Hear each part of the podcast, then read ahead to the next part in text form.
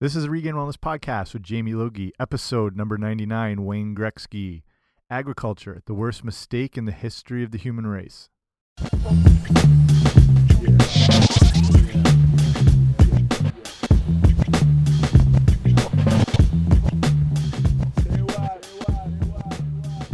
Hey guys, what's happening? Welcome back to the podcast. I'm Jamie Logie, I run regainedwellness.com, and this is the Regained Wellness Podcast. Thank you for joining me here today. If you're new, a double welcome if that's possible.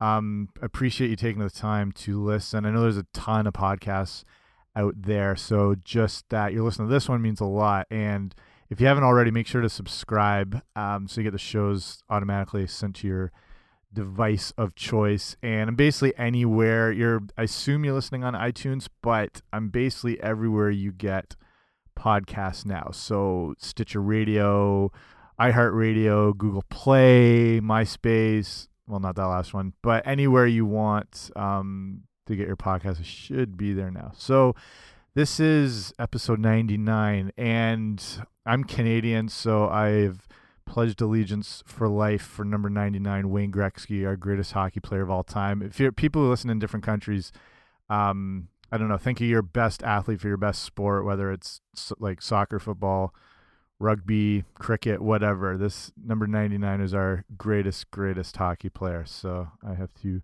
pay tribute to him. So this is a not a different episode, but every show I do is um, all my own research based on blogs I've written, articles I've written for other websites. This one is based on an article that was published in the in Discover magazine back in 1987 eh, by a guy named Jared Diamond, and he works at the University of California at the Los Angeles Medical School, and it's about the the development of agriculture and how that is seen as partly as a downside to human evolution actually.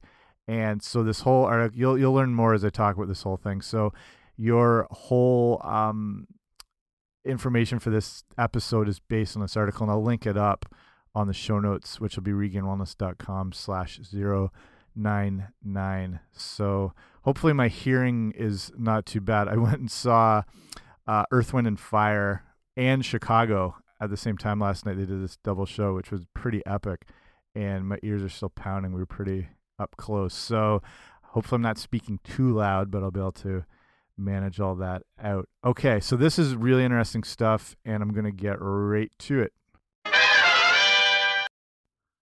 So I've done a few episodes um, about things like the paleo diet or the ancestral eating movement or whatever you want to call it, which is basically eating the diet that our ancestors would have eaten up to around 10,000 years ago.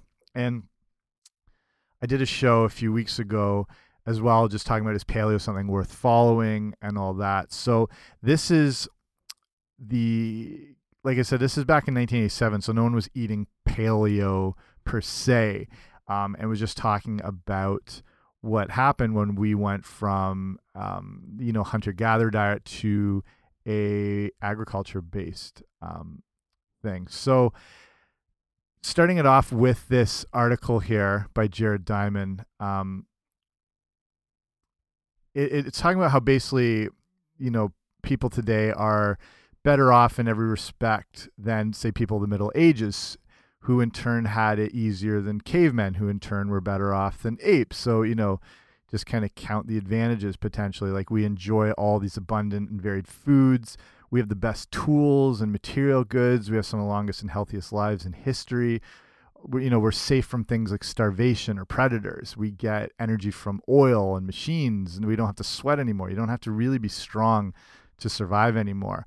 Um, so, you know, who would possibly want to trade what we have today in for that of someone who's a medieval peasant or a caveman or an ape? So, you know, most of our history, we've supported ourselves by hunting and gathering, and there's still tribes and um, societies today that still live this way. Like they, they talk about, you know, the Iron Age and the Bronze Age and those, those previous eras being done, but they still exist because we still have those various tribes and, and cultures that still live in, you know, hunter gatherer type society. So we've always hunted wild, animals, we've foraged for wild plants.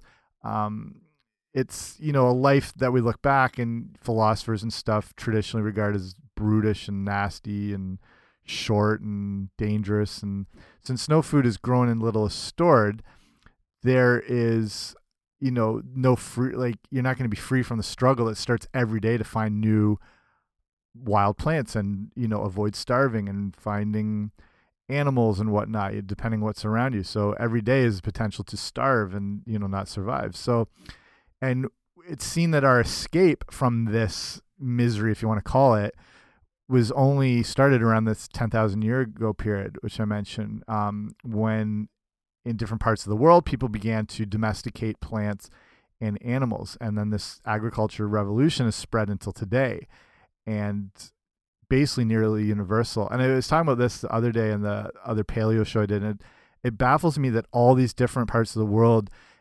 agriculture like sprouted. That's the worst pun ever. I didn't mean it like that. But it basically all came about at the exact same time, whether it's, you know, the Fertile Crescent in Africa or the parts of, you know, Asia, wherever it was that mankind all adopted this agriculture lifestyle, uh, like close to the same. It really it's kind of baffling how everyone was sort of in sync like that. Um, obviously, with no communication and no education on the best way to forage or grow plants or crops or cultivate or whatnot. So, um, the question is, why did almost all our hunter gatherer ancestors adopt agriculture? It seems kind of weird, but of course, they adopted it because agriculture is an efficient way to get more food for less work. That was the idea. Planted crops yield far more tons per acre than, say, like roots or berries. So if you can imagine a band of, uh, you know, hunter gatherers exhausted from searching for nuts and seeds or chasing wild animals, and suddenly had like grazing or sorry, gazing their eyes upon a fruit laden orchard or pasture full of um, sheep that have been domesticated and kept in one area. So I think it wouldn't, you know, it's not going to take too long for them to appreciate the advantages of agriculture. So some eh, will, you know, people even go as far to say, and they'll credit agriculture specifically with the remarkable um, growth of art that has taken place over the, the past few thousand years. So, since crops can be stored, and since it takes less time to pick food from a garden than to find it, you know, you know, looking in the wild. Ag agriculture gave us free time that hunter gatherers never had. So this was, you know, enabling us to build amazing structures and start, you know, composing music and evolving as a species and and whatnot. So it seems the case is pretty overwhelming that this was an amazing thing to do. But how do you show that the lives of people 10,000 years ago got better when they abandoned hunting and gathering for farming? So until recent, until recently, uh, archaeologists had to resort to, you know, indirect tests, and the results surprisingly failed to support that idea that it was a good idea to move into um, a agriculture based society away from hunter gathering. So here's one example of that indirect test. So question are 20th century hunter gatherers really worse off than farmers? Scattered throughout the world, several dozen groups of so called primitive people, like the Kalahari Bushmen, as an example, continue to support themselves that way. It turns out these people have plenty of leisure time, sleep a good deal, and work less hard than their farming neighbors because they're still doing that hunter gathering. So, for instance, the average time devoted each week to obtaining food is only 12 to 19 hours for one group of bushmen, 14 hours or less for the Hadza nomads of Tanzania. So, one bushman, when asked why he hadn't emulated his uh, neighboring tribes by adopting agriculture, he replied, Why should we when there are so many mongongo nuts in the world? So, well, farmers now like you know at the age of agriculture and now concentrate on high carbohydrate crops like rice and potatoes and the mix of wild plants and animals in the diets of surviving hunter gatherers provides more protein and a better balance of other nutrients so in one study the bushman's average daily food intake um, this was during a month when food was plentiful was around 2100 calories and 93 grams of protein.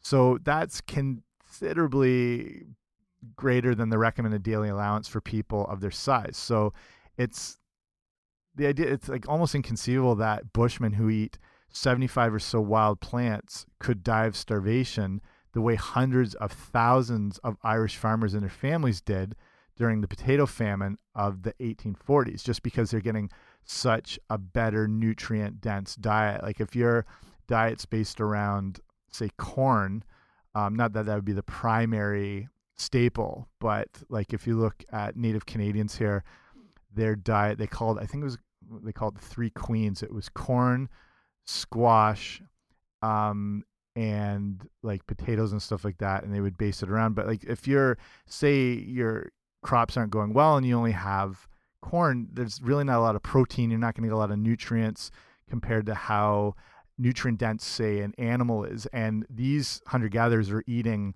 the entire animal. They're not just getting the flank steak and the ribeye. They're eating the organs the brains the everything and the organ meats are the probably one of the most nutrient dense foods you can eat, is specifically livers from animals. And these are obviously like clean, naturally raised and roaming animals. And they're, uh, if you look at a liver of an animal, it's basically like nature's multivitamin. It has the best spectrum of every mineral nutrient you could possibly want across the board, which you're not going to get just from corn or wheat. So, so if you look at it this way, the lives of at least, you know, we're talking about the Kalahari Bushmen here that are the surviving hunter gatherers. They're really not nasty and brutish the way we sort of perceive them. So even though, you know, development and, and progression and building and whatnot have pushed them into some of the world's worst locations, they've kind of been driven from their their natural habitat. So but modern hunter gatherer societies that have rubbed you know shoulders with farming societies for thousands thousands of years they don't tell us about conditions before the agricultural revolution. So the the idea behind thinking agriculture was the you know the savior of mankind is really making a claim about the distant the distant past. So it's that the lives of primitive people improved when they switched from gathering to farming. So archaeologists can date that switch by you know distinguishing the remains of wild plants and animals from those of domesticated ones in prehistoric garbage dumps. So as they work kind of through all this evidence. So it's weird though how they can deduce the health of the prehistoric prehistoric garbage makers and thereby you know that's the ultimate test for that you know progressivist view on agriculture.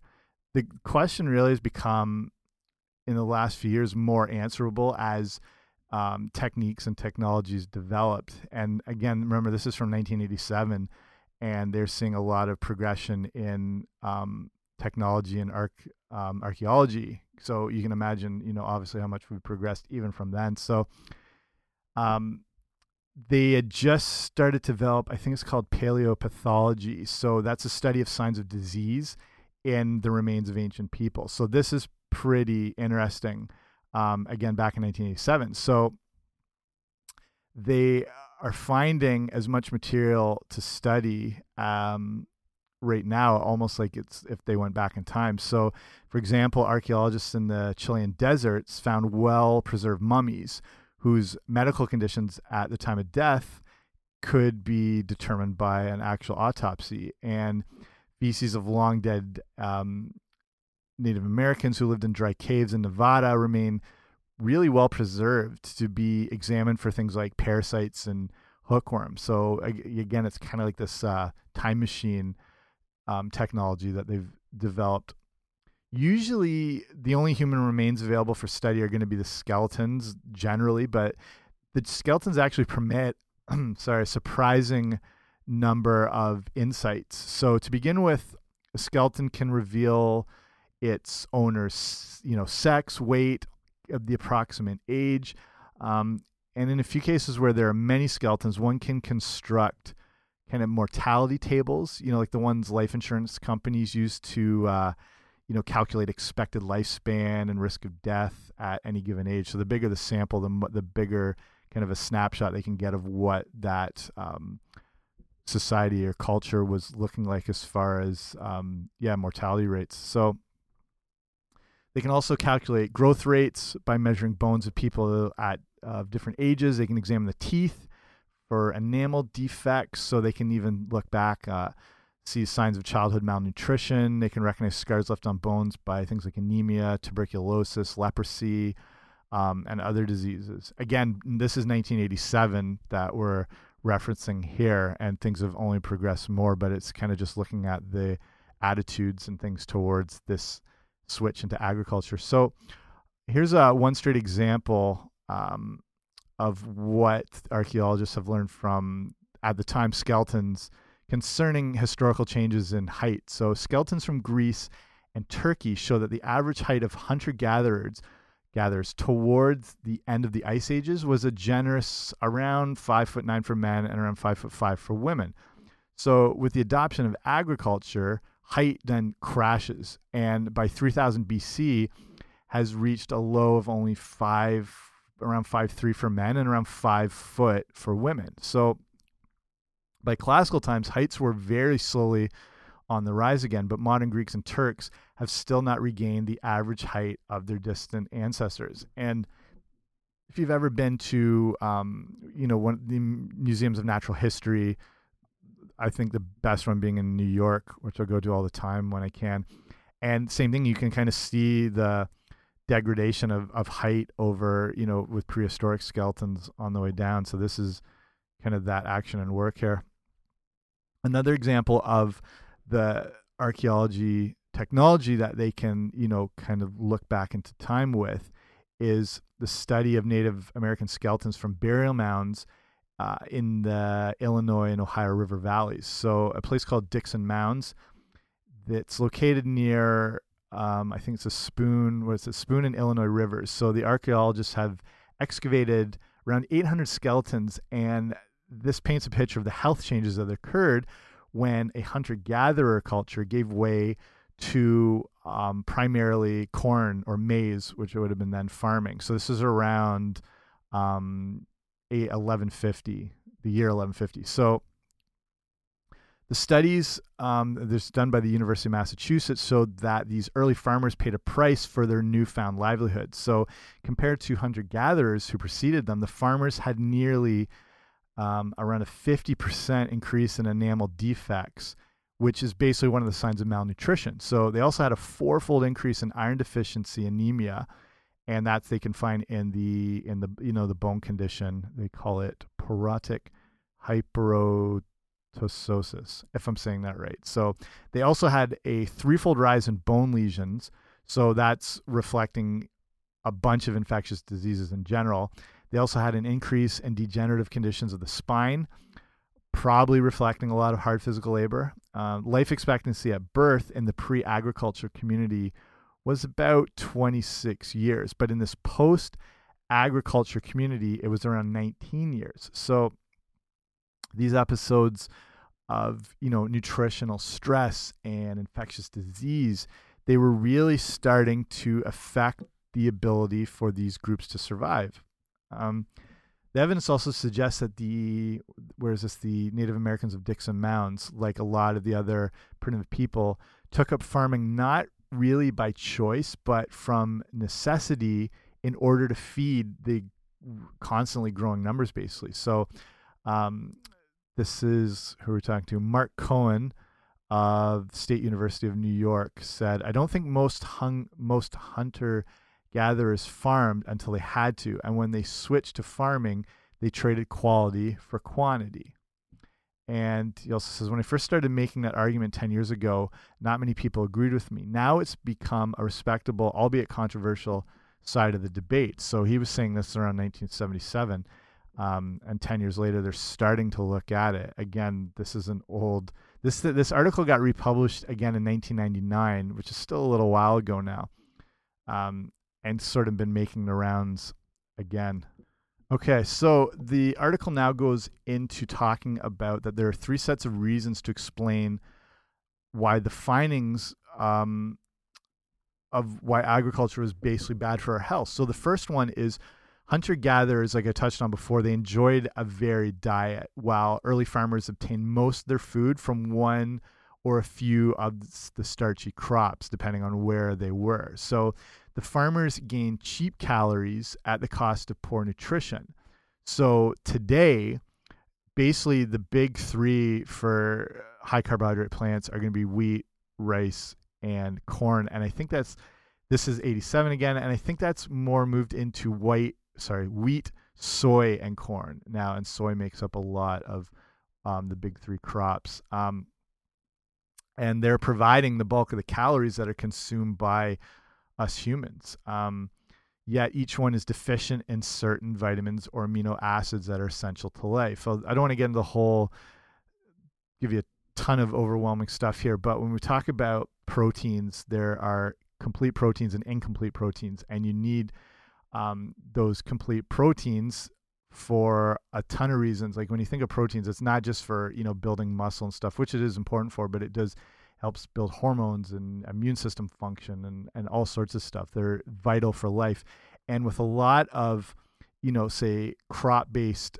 things like corn or wheat or whatnot, they're not um, full enough of those uh, that full amino acids acid spectrum. There's some that are made by your body. There's essential and non-essential amino acids, some that you have to get from the diet.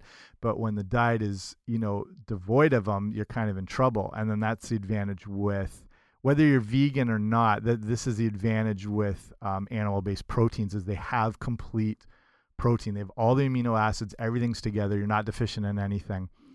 And it's not that you can't be healthy if you're you know like you're you're not gonna run into massive problems these days if if you're vegan but it get it gets a little tougher to get that complete protein in. Quinoa is one of the only full sources of protein. It has the whole complete protein which is very rare for a, like a, a vegetable if you want to call it. It's not necessarily a grain but it's in that sort of spectrum. So um, it's just it's a little tougher. And then things like vitamin B12, which is essential for life, that you'll always find in abundance in animal proteins and stuff like that. So when we're switching over to all these, you know, carb-based things, we're really depriving ourselves of proper nutrition. So, second thing is. Um, why agriculture is bad for health is because of the dependence again on a limited number of crops. So farmers basically ran the risk of starvation if one crop failed. So, and then, you know, finally, the mere fact that agriculture encouraged people to clump together in crowded societies, many of which then carried on trade with other crowded societies, this is what is seen as one of the big downfalls that it led to the spread of parasites and infectious disease. Some archaeologists think it was the crowding rather than agriculture that promoted disease, but again, it's you know that sort of chicken and egg type argument because crowding encourages agriculture and vice versa. They just kind of like go hand in hand. So epidemics basically could not take hold when populations were scattered in small bands like they were when we were more hunter gatherer based. And you know, they're constantly shifting camps. They wouldn't stay put for a long time. What's that called? Nomads, I think where they're moving around. Like if that one area is not kind of giving it up well animal wise or food wise, they're not going to stay there. They're going to move around. When it's agriculture based, you, basically stay in one spot. And it's more likely that diseases like, you know, tuberculosis, um, diarrhea based diseases, they kind of had to wait around for the rise of farming to, you know, start spreading. Think, same thing with like measles, um, the bubonic plague, that these things started to happen when we clumped together and developed larger communities and cities. So, besides malnutrition, starvation, starvation, epidemic diseases, farming helped bring another curse on humanity, which is something you might not think of, and it's something I've it never I was I never really um, paid any thought to till I was you know researching and looking more into these things and that is the one curse it brought was the idea of really deep class divisions. So, and this is because, say, hunter gatherers, they have they really don't store food or they have very little of it. and there's you know no concentrated concentrated food sources like an orchard or you know they hadn't domesticated animals so they wouldn't have a herd of cows they live off the wild plants and uh, animals they obtain each day so whatever they found that was what they had for the day so this way they're really can be no kings. Um, there's no class of you know kind of those social parasites as it were who grow fat on food seized from others. You know they kind of take advantage of the weaker or whatnot. So only in a farming population could a healthy non-producing elite set himself or herself above the disease-ridden masses so if you look at skeletons from the Greek tomb, uh, some Greek tombs around when is this 1500 BC, it suggests that royals enjoyed a better diet than commoners. And since the royal skeletons were two or three inches taller,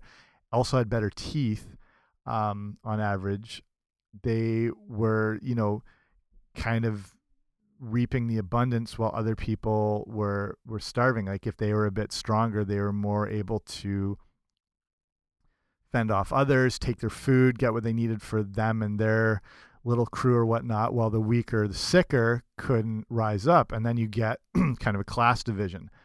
And among those Chilean mummies we're talking about, around this is a thousand AD, the elite were distingu uh, sorry, distinguished not only by ornaments and they had gold hair clips and stuff, but also again a fourfold lower rate of bone lesions caused by disease. They were getting a well a better rounded diet. They were eating better than the so-called commoners who you know weren't able to provide necessarily. So, and if you look today, similar contrasts in nutrition and health, they they're really no different. So to people in you know the rich Western countries, it sounds kind of ridiculous to you know extol the virtues of hunting and gatherings or gathering. But americans canadians western europeans all of us kind of have more of an elite lifestyle but you know we're dependent on things like oil and minerals and they must usually have to be imported from other countries where there's poor health and nutrition. So if you could choose between being a peasant farmer in Ethiopia, Ethiopia or a bushman gatherer in the Kalahari, which do you think would be the better choice? You know, when you look at the problems of of disease and society combination. So, farming may have also encouraged inequality between the sexes as well, which is interesting, uh, uh, as this article points out. So, when they're freed from the need to transport their babies during the nomadic hunter gatherer existence when they were moving from place to place, and under you know under the pressure to produce more hands to you know work the fields and whatnot farming women tended to have more frequent pregnancies than the hunter gatherer counterparts. So again with consequent drains on their health. So back to the chilean mummies for example more women than men had bone lesions from the infectious disease because of basically um, over you know over exerting themselves having to you know not only raise children but they're you know working just as hard trying to grow these crops so everyone in their culture just doesn't you know disappear. Um it, it's it's hard to look back but a lot of you know women in these agriculture societies were sometimes made what they call you know in this article beasts of burden. Um in New Guinea farming communities today like you can look and you see women staggering under loads of vegetables and firewood and they carry while the men walk empty handed which is um, unbelievable. Um, and the art the author is talking about here he's on a field trip studying um, birds down there and he offered to pay some villagers to carry supplies from an airstrip to the mountain camp. So the heaviest item he had was a 110 bag 110 pound bag of rice. So he lashed to a pole and assigned to a team of four men to shoulder together. So when he eventually caught up with the villagers, the men were carrying light loads while one small woman, woman weighing less than the bag of rice was bent under it, supporting its weight by a cord across her temples as she held. And if you look at different um, bush tribes, is thinking of the uh, if you watch Top Gear when they were in um, the motoring show. I think was it in uh, Uganda or Tanzania, and whatever. They're somewhere in Africa, and they're stuck in traffic, and the traffic's so bad, people come around and offer like or try to sell food and and fruits and whatnot. And so Jeremy Clarkson is he wants to buy a banana, and there's a woman carrying a bowl of bananas on her head, like walking around perfectly no problem. And he has enough money he can buy all the bananas. So she passes it off, and he almost collapses under the weight of this bowl of bananas that she's just walking around carrying on her head. It, pretty nuts. If you've seen that episode, you know what I'm talking about. So uh, basically, as for the one of the claims here that agriculture encouraged, you know, the the growing of art and provided us with all this leisure time. Um, modern hunter gatherers, like I said, earlier have at least as much free time as the farmers. So the whole emphasis on leisure time as a critical factor um, was seen as kind of misguided. Um, looking at this whole issue and talking about, say, gorillas, they have have had ample free time to build their own. Uh, the author says he has they've had their own time to build a Parthenon had they wanted to, but uh, that hasn't happened. So while post agriculture technology um, advances, um, it also makes new art forms possible and the preservation of art easier. So, great paintings and sculptures were already being produced by hunter gatherers 15,000 years ago and were still being produced as recently as the last century by some hunter gatherers, um, you know, from Inuits to um, people in the Pacific Northwest. It, it still existed. So, basically, with the uh, advent of agriculture and the elite um, being around at the time became better off, but most people became worse off. So instead of looking at, you know, that we just say because it was a progression that agriculture was good for us, you have to look a little more and say, how did we get trapped into sort of the pitfalls that came about from it? Um, the author here he kind of boils it down to the adage that might makes right, and farming could support many more people than hunting, albeit with a poorer quality of life. Um, population densities of hunter gatherers are rarely over, um, you know, one person per 10 square miles, while farmers average, you know, during these times a, a hundred times that, if not more. This is because a field planted entirely in edible crops um, lets one feed way more mouths than a forest with scattered edible plants. So partly too, it's because nomadic hunter gatherers have to keep their children spaced at four year interv intervals. Um, so you know, mothers must carry a toddler until he's old enough to keep up with the adults. So you know, procreation isn't as abundant as it would be in an agriculture based society.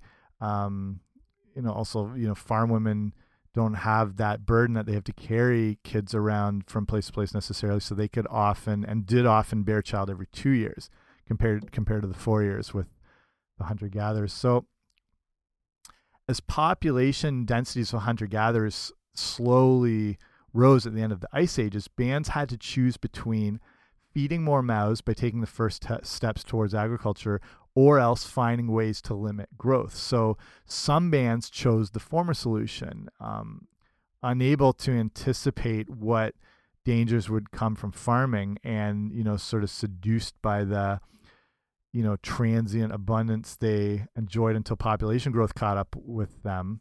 Um, you know, increased food production.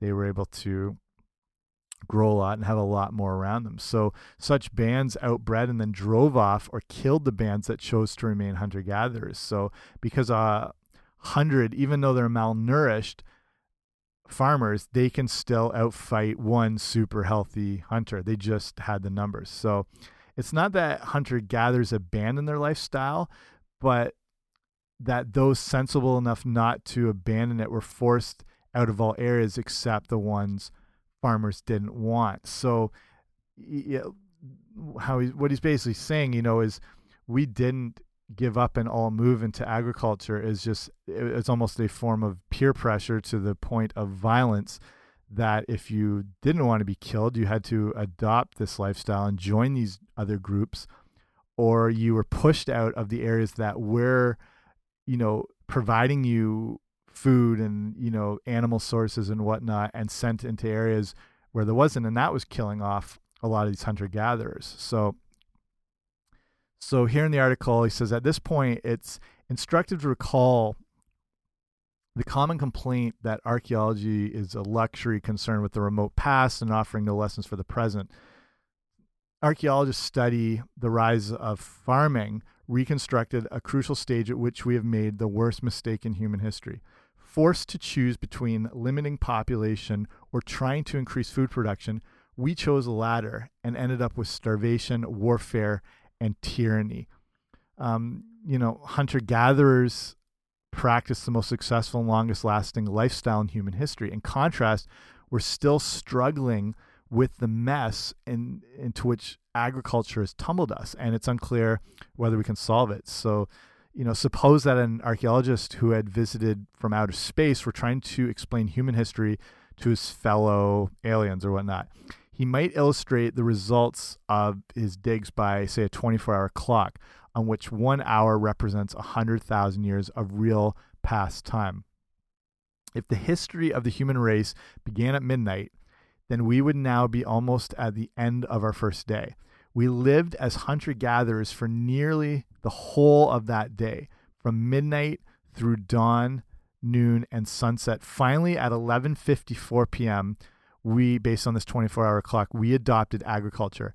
As our second midnight approaches, will the plight of famine stricken peasants gradually spread to engulf us all?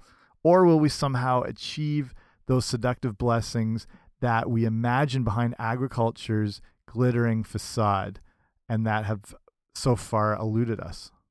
So that's the whole article by Jared Diamond um, from Discover Magazine, May 1987. And just as you look at problems in population growth and, and spread of disease. Again, this is 87, where these things, you know, population is starting to even jump up more and more, and kind of looking and pinpointing where it was maybe um, kind of went off the rails a bit, and, and more in our interest today, how our nutrition took a huge tumble when we moved away from this, um, you know, hunter gatherer lifestyle and moved into more carbohydrate based plant sources for all our nutrition. And we're like, here it is in 2016, and we're still having the same problems as um, we get abundance of our calories from, you know, wheat and and soy and corn and they make up a majority of stuff where we're a lot of our diets are based around breads and rice and pastas and so we're eating a lot but we're not getting a lot of nutrition which is making us hungrier and hungrier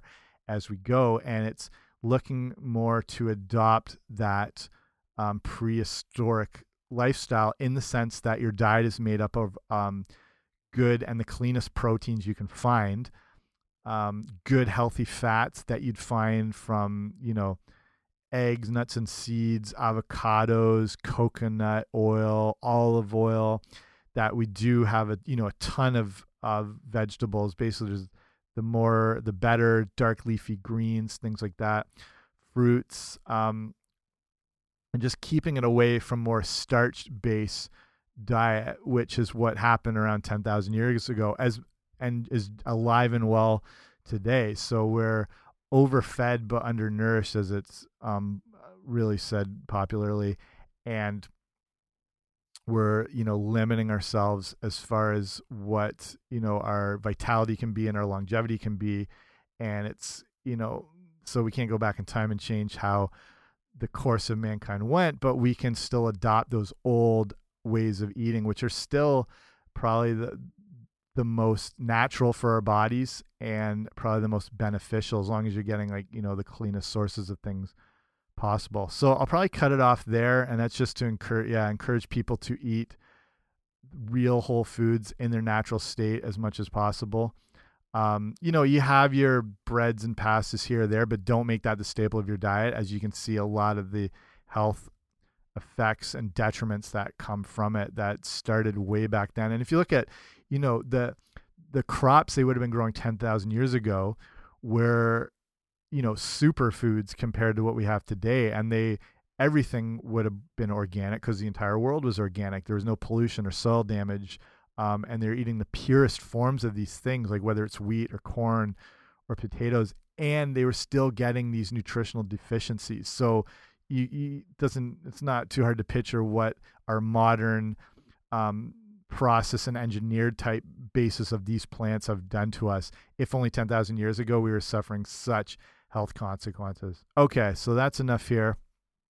Again, um, if you want to see this article, I'll link it up, regainedwellness.com slash uh, 099er, and you can read it yourself. It's really interesting with all these different ideas put together with, you wouldn't think one, you know, change in in mankind's history could lead to all these kind of different conditions and issues, but it's really cool. Yeah. So make sure you subscribe to the show. If you like it, leave a rating and review. Really helps because then more people get to see it as well too. And I appreciate that. And if you have any other questions or show topics you want to see covered, just write to me at info at regainedwellness.com. I'm going to go listen to some Earth, Wind, and Fire. So I'm out. See ya.